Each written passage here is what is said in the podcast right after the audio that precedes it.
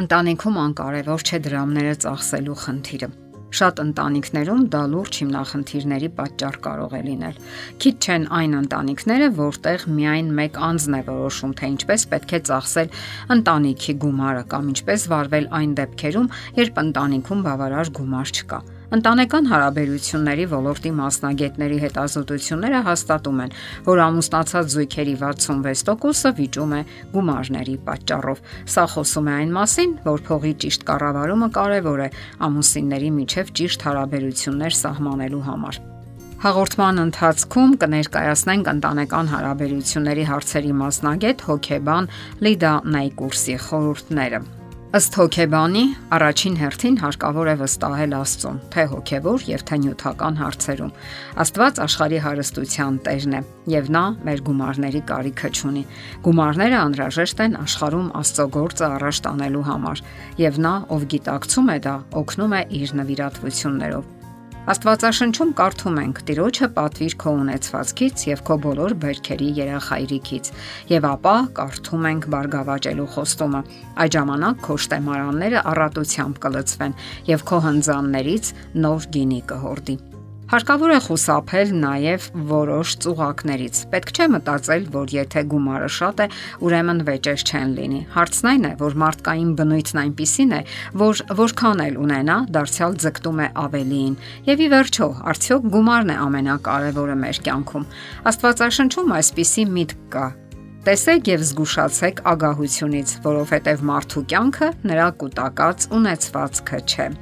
Հոգեբանը խորհուրդ է տալիս խուսափել պարտքերից։ Ջանք արեք հնարավորինս խուսափել պարտքերից։ Դա ոչ միայն ընտանեկան դրամագլուխն է քայքայում, այլև մարդու նյարդային համակարգը։ Դուք անընդհատ այդ մասին եք մտածում եւ հանգիստ քնել չեք կարողանում։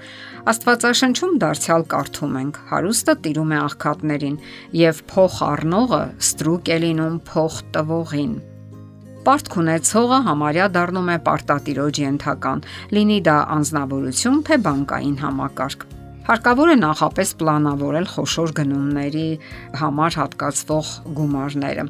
Նույնիսկ եթե դուք ստիպված լինեք գնել ապառիկ, մտածեք ինչպես գտնել նույն ապրանքը ավելի ցածր գնով Խուսափեք իմպուլսիվ ողքեվորված գնումներից։ Եթե թանկարժեք ապրանք գնելու ցանկություն ունեք, սպասեք առնվազն 1 շաբաթ խոր մտածված որոշում կայացնելու համար։ Սպասեք, մինչև ձեր ողքեվորությունն ու հուզմունքը մի փոքր կսարչի։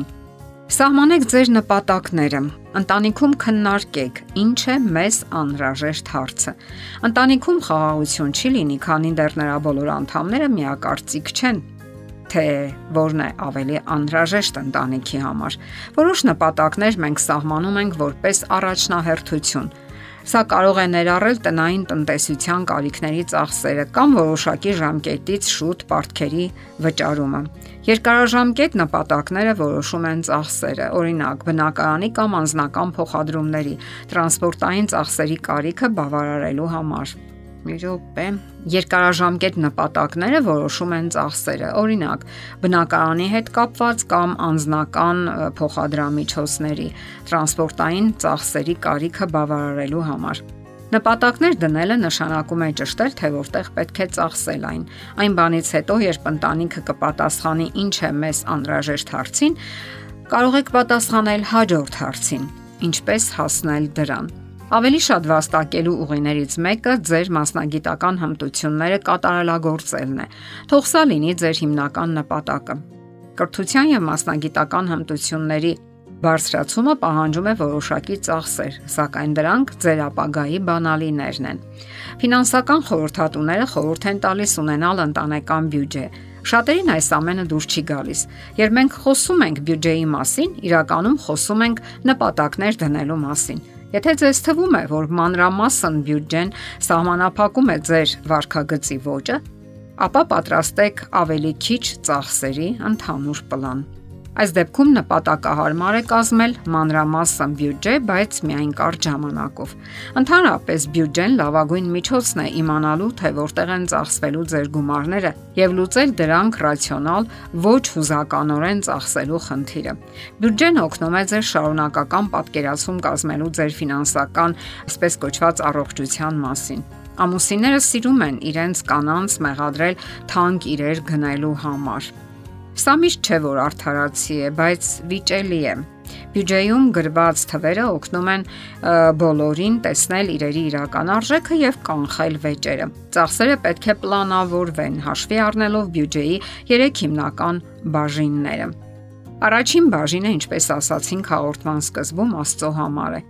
Իրեն քրիստոնյա համարող յուրաքանչյուր հավատացյալ պետք է հասկանա, որ Աստծո գործը երկրի վրա ֆինանսական աջակցության կարիք ունի եւ պատասխանատվությամբ մոտենա այս հարցին։ Ամբողջ սրտով իր միջոցների մի մասը, տվյալ դեպքում 10%-ը նվիրաբերի եկեղեցուն եւ օգնի կարիքավորներին։ Մեր ծախսերի այս մասը դնելով առաջին տեղում մենք կարող ենք վստահ լինել, որ Աստված կօգնի մեզ օգտագործելու մնացած միջոցները ավելի մեծ օգուտների համար եւ պետք չէ վախենալ, թե դրանով կաղքատանանք կամ մեր գումարները չեն բավականացնի։ Աստվածաշնչում կարդում ենք. եւ Աստված թող համաձայն իր հարստության ձեր կարիքները հոգա Քրիստոս Հիսուսի փառքի միջոցով։ Երկրորդ բաժինը ընթացիկ ծախսերն են՝ բնակարանի սպասարկում, սնունդ, հագուստ, ժամանց եւ հանգիստ։ Երրորդ բաժինը խնայողություններն են կամ ապագա ծախսերը՝ կրթություն, մեքենա, այլ թանկարժեք իրեր եւ այլն։ Եթե կարողանայիք ձեր յուրաքանչյուր եկամտի առնվազն 5%-ը հատկացնել ձեր բյուջեի այս կետին, դա ձեզ լավ արդյունքներ կբերեր։ Ամուսինները, որոնց միջև անընդհատ վեճեր են լինում, սովորաբար չեն կարողանում ազատ քննարկել ֆինանսական խնդիրները։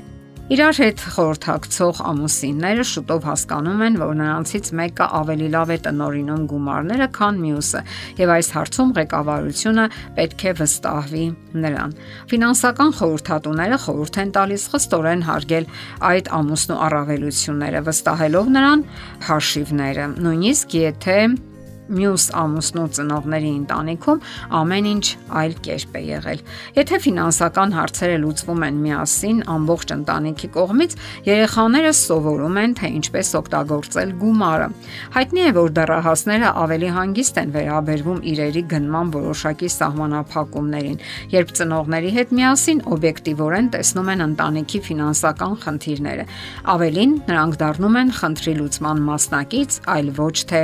ականատես կամ դրա մի մաս։ Լավագույնն այն է, որ ընտանիքի յուրաքանչյուր անդամ պատրաստի գումարը օգտագործելու առաջնահերթությունների սեփական ցանկը։ Ընտանեկան խորհրդի ժամանակ, երբ համեմատվում են առաջնահերթությունները, յուրաքանչյուրը տեսնում է մյուսի կարիքը եւ սկսում է հասկանալ մյուսի տեսլականը։